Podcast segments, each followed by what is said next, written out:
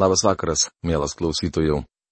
Šiandien toliau keliaukime Senuoju testamentu, Nehemijo knyga.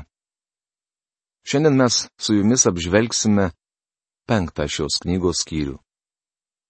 Tema - Nehemijo atsakymas vidaus priešininkams. Įsitraukęs į šį svarbų Jeruzalės sienų atstatymo projektą, Nehemijas susidūrė su įvairių formų pasipriešinimu. Na ir subtiliai veikia šietonas. Iš pradžių priešai iš žydų juokėsi, paskui tyčiojosi. Galiausiai atvirai pasipriešino. Jie priešinosi taip aktyviai, kad Nehemijas paliepė statytojams dirbant prie sienos vienoje rankoje laikyti mūrininko mentę, o kitoje kardą. Nehemijas ir jo draugai dirbo taip sunkiai, kad net nenusivilkdavo savo drabužių. Nusivilkdavo kiekvienas tik tada, kai reikėdavo apsiprausti. Dabar matome, kaip pasipriešinimas kyla iš vidaus. Čia velnės suduoda stipriausią smūgį. Iš bažnyčios istorijos matome, kad kai velnės negalėdavo sugriauti bažnyčios persekiojimais, tuomet jis prie jos prisijungdavo. Belnes jau atnešė nusivylimą tarp žydų, o dabar jis žengia dar vieną žingsnį ir sukelia vidinį konfliktą. Tada kilo didelis žmonių, ypač jų žmonų, šauksmas prieš brolius žydus. Kai kurie sakė, Mūsų sūnų ir dukterų yra daug. Mes turime gauti grūdų, kad galėtume pavalgyti ir likti gyvi. Kiti sakė, mes turime užstatyti savo laukus, vynuogynus ir namus, kad gautume grūdų atsigauti nuo bado. Dar kiti sakė, mes turėjome skolintis pinigų, užstatydami savo laukus ir vynuogynus, karaliaus mokesčiams sumokėti.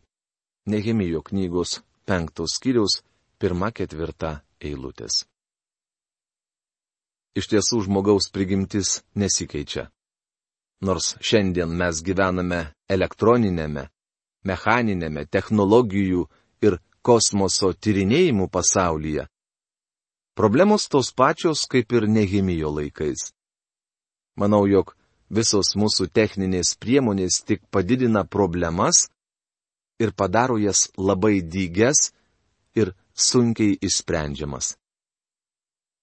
Kadangi žydai buvo užsėmę sienų statybą, jie neturėjo galimybės rūpinti savo asmeniniais reikalais. Jie turėjo pirkti grūdus, maistą šeimoms, o tam reikėjo užstatyti savo nuosavybę. Kai kurie iš jų turėjo užstatyti nuosavybę, kad sumokėtų mokesčius. O tomis dienomis mokesčiai buvo dideli. Jie skolinosi pinigų iš savo brolių. Mes tokie pat kaip mūsų giminės, mūsų vaikai tokie pat kaip jų vaikai. Tačiau mes verčiame savo sūnus ir dukteris būti vergais kai kurios mūsų dukterys jau padarytos vergėmis. Mes bejėgiai, o mūsų laukai ir vynuoginai priklauso kitiems. Nehemijo knygos penktos skyriaus penktą eilutę. Ilgą laiką ši problema tik augo, tačiau iki šiol Nehemijas nieko apie tai nežinojo. Šie žmonės norėjo statyti Jeruzalės sienas, todėl labai tyliai užstatė savo nuosavybę broliams. Matote, buvo ir tokių, kurie gyveno skolindami kitiems. Išorės priešai negalėjo nieko pakengti, kol gyvavo meilė ir santarvė. Tačiau dabar iškilo konfliktas. Pamenate, ta pati problema buvo iškilusi ir ankstyvojoje bažnyčioje. Ananijas ir Safyras susimokė apgauti savo brolius, todėl Dievas juos nuteisė, pasiūsdamas staigę mirtį. Jų samokslas buvo dėl pinigų. Nežinau, kodėl pinigai sukelia tokią pagundą, Tačiau taip jau yra. Gerai pažįstu bažnyčią, kuri tam tikrą laiką duodavo neteisingas finansinės ataskaitas. Sena banalybė, kad skaičiai nemeluoja, bet melagiai išriškėja vis dar teisinga. Netgi kvalifikuotas apskaitininkas turi galimybę pristatyti neblogai atrodančią finansinę ataskaitą, kurioje iš tiesų neatsispindi visa tiesa. Šiandien taip vyksta daugelie bažnyčių. Kaip velnės patenka į bažnyčias. Štai su kuo turėjo kovoti Nehemijas. Šventasis raštas filipiečiams laiške pirmos skyriaus 27-28 eilutėse duoda mums tokį patarimą. Tik tai elkitės kaip dera besilaikantiems Kristaus Evangelijos, kad atvykęs pamatyčiau, o jei netvyksiu išgirščiau, jo gyvenate viena dvasia, visi kaip vienas kovojate už Evangelijos tikėjimą ir nei iš tolo nesiduodate priešų išgazdinami. Jiems tai yra žlugimo ženklas, o jums išgelbėjimo ir jis Dievo duotas. Žodis elgesys šioje pastraipoje reiškia gyvenimo būdas. Paulius sako, tegul jumise viešpatauja darna.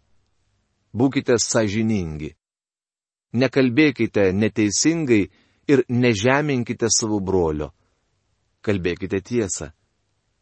Kai kalbėsite tiesą, viešpataus santarvi.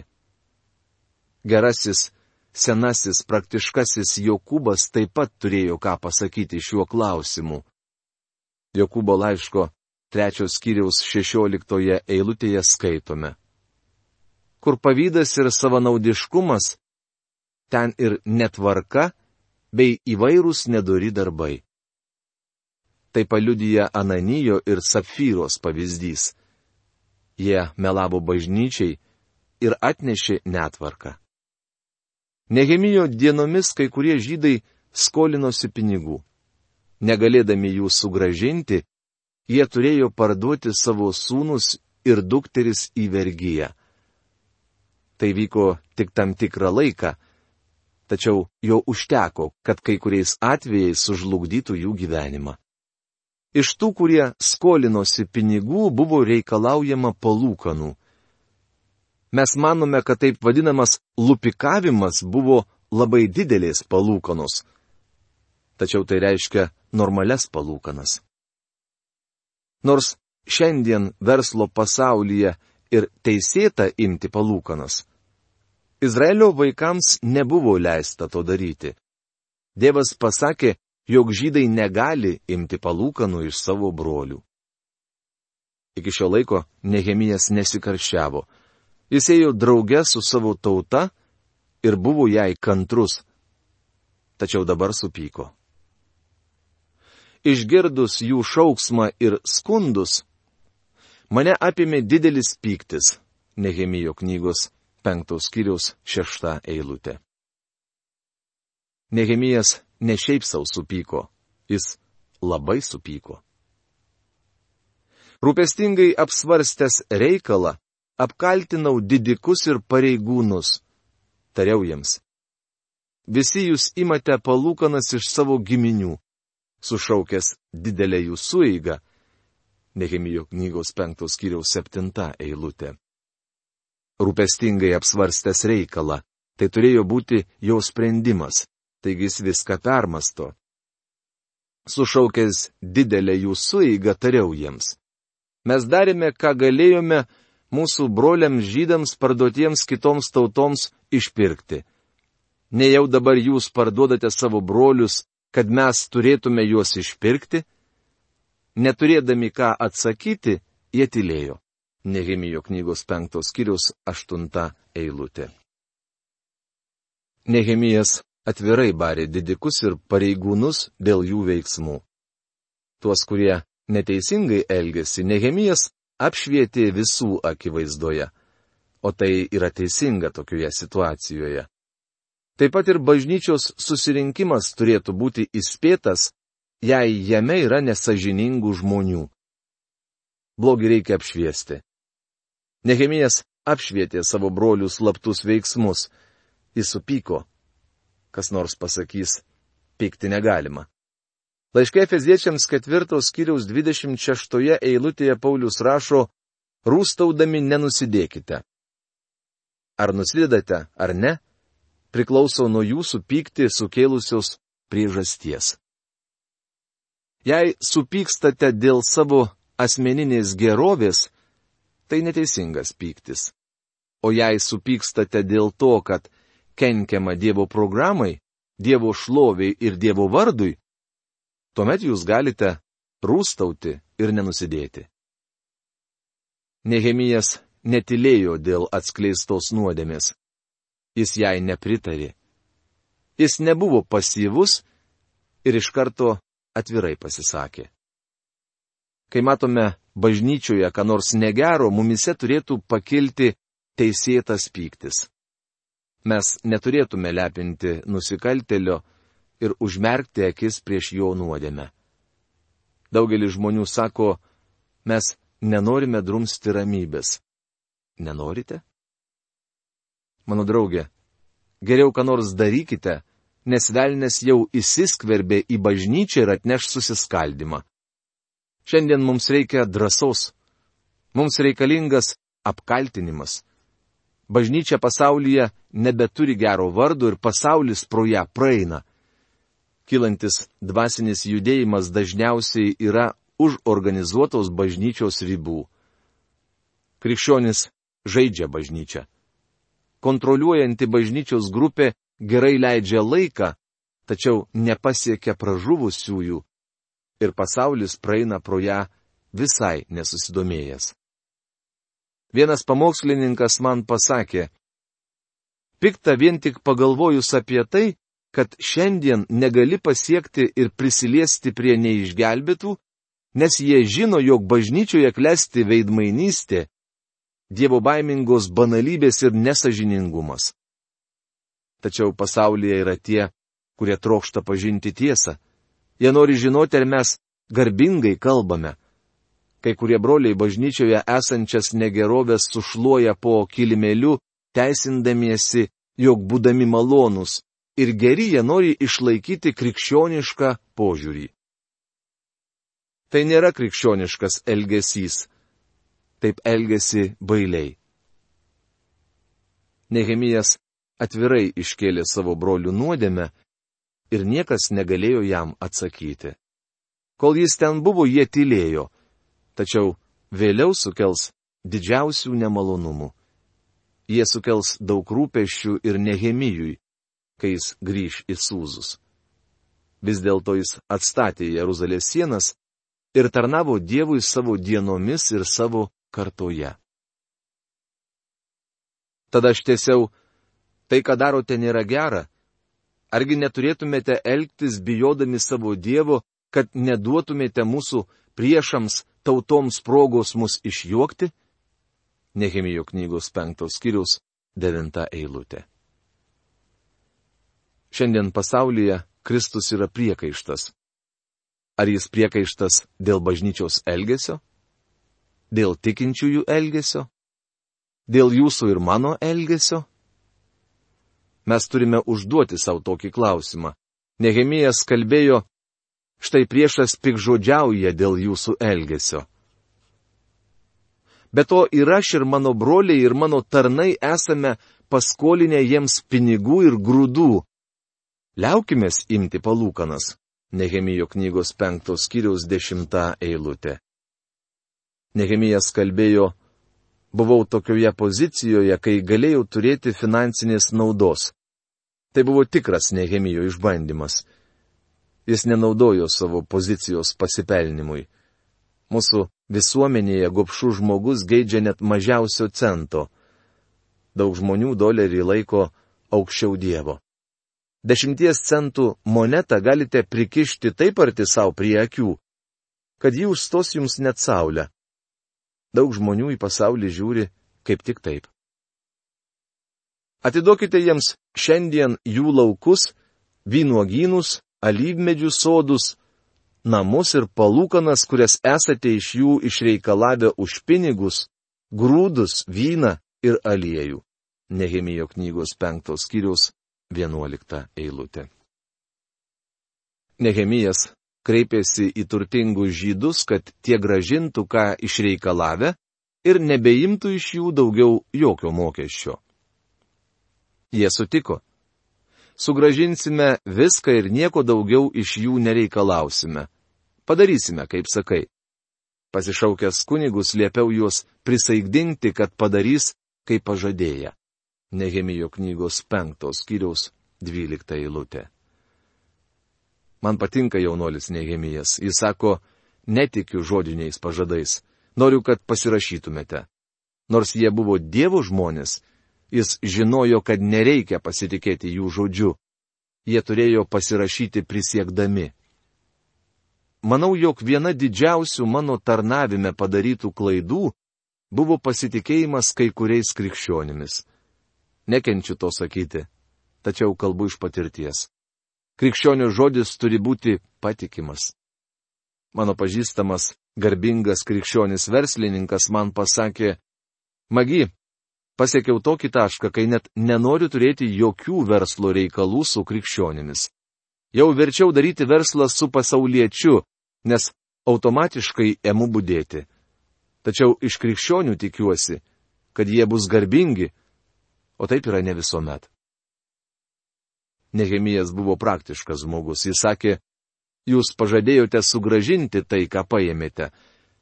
Tačiau aš jumis netikiu. Noriu, kad pasirašytumėte. Be to, iškračiau savo drabužių skreitą tardamas. Taip tai iškrato Dievas iš namų ir nuosavybės kiekvieną, kuris nesilaikys šio pažado. Te būna jie taip iškratyti ir tušti. O visa sueiga tarė Amen. Ir pašlovino viešpatį. Žmonės laikėsi šio pažado. Nehimijo knygos penktos skyrius, trylikta eilutė. Manau, kad jei panašus teiginys būtų mūsų dienomis perskaitytas iš sakyklos, susirinkimas pasakytų Amen.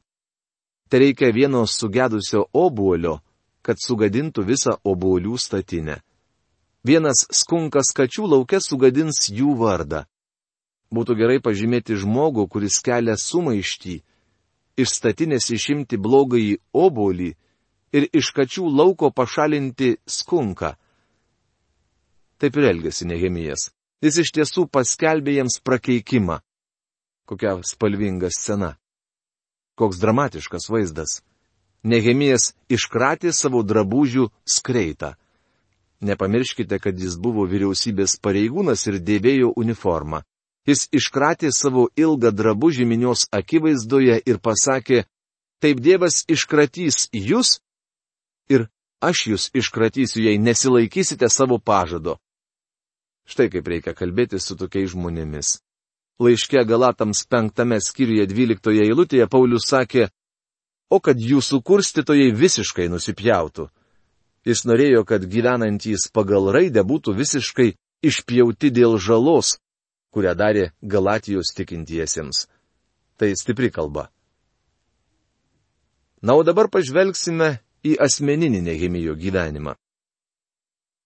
Bet to nuo tos dienos, kai buvau paskirtas jų valdytojų judo krašte, nuo 20 iki 32 karaliaus Artakserkso metų, iš viso 12 metų, nei aš, nei mano broliai niekada nevalgėme valdytojo maisto davinio. Nehemijo knygos 5 skyriaus 14 eilutė. Jis turėjo teisę prašyti algos, tačiau neprašė. Ankstesnėji valdytojai mano pirmtakai ėmė iš jų maistą bei vyną ir pinigais 40 sidabro šekelių. Net jų tarnai šiurkščiai elgėsi su žmonėmis. Bet aš iš Dievo baimės taip nedariau. Nehemijo knygos penktos skyrius 15 eilutė. Ankstesnėji valdytojai, Nehemijo pirmtakai, imdavo algas, tačiau Nehemijas to nedarė. Aš myliu šį žmogų. Iš tikrųjų, būdamas atsidavęs sienos statymo darbams, neįsigijau jokios žemės, bet įdėjau savo dalį į sienos atstatymą. Visi mano vyrai buvo sutelkti prie šio darbo. Nehemijo knygos penktos skyriaus šešiolikta eilutė. Nehemijas neužsijėmė nekilnojamo turto verslu. Jis nepirko žemės, jis neėmė užstatomų žemių, skolindamas pinigus ar grūdus. Jis nieko neėmė iš šalies. Be to prie mano stalo būdavo 150 žmonių, žydų bei pareigūnų ir atėjusių pas mus iš aplinkinių tautų. Nehemijo knygos 5 skyriaus 17 eilutė. Jis reguliariai maitino 150 svečių prie stalo. Taip pat maitino ir žydus iš aplinkinių tautų, kurie atvyko gyventi į miestą, tačiau dar nesurado, kur apsistoti. Tikriausiai jis tai darė savo lėšomis. Jis buvo kitoks nei ankstesnieji valdytojai. Nors kasdien buvo paruošiamas mano lėšomis jautis, šeši rinktiniai avinai, paukštiena, neskaitant gausybės visokio vyno kas dešimt dienų, nereikalavau valdytojo davinio, nes darbo našta slėgė žmonės. Nehemijo knygos penktos skyriaus 18 eilutė. Jis nereikalavo valdytojo maisto davinio, nes užjautė savo sunkiai dirbančius brolius. O mano Dieve, atsimink mano labui visą, ką esu padaręs šiai tautai. Nehemijo knygos penktos skyriaus devyniolikta eilutė. Jis buvo nuostabus vyras. Jis rūpinosi savo žmonėmis, tačiau jie jį pamirždavo. Tai liūdna. Tačiau daugelis garsių žmonių supranta, kad pasaulis pamiršta. Žmonių atmintis trumpa. Tačiau Nehemijas prašė, kad Dievas jo nepamirštų. Jis sakė, o mano Dieve atsimink mane. Kaip nuostabu žinoti, kad Dievas neprisimena mūsų nuodėmių, bet visuomet prisimena mūsų gerus darbus. Aš kalbu apie tikinčius, Dievų pasitikinčius žmonės. Jis netgi surašo juos savo knygoje. Mielas klausytojau, šiai dienai skirtą apžvalgą baigiame. Susitiksime kitoje mūsų laidoje. Sudė.